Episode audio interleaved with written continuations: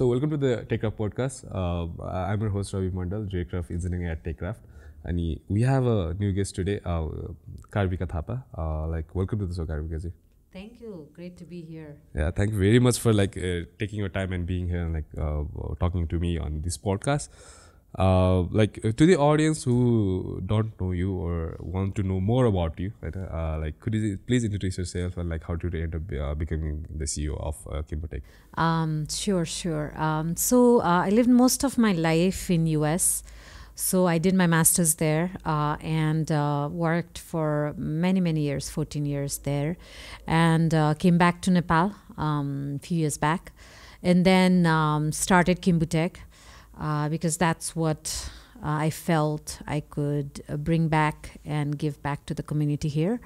Uh, and um, yeah, that's pretty much it as of now. And I'm a mom um, with two girls, uh, seven year old and five year old. Uh, and uh, having said that, I also run another company called Simjang.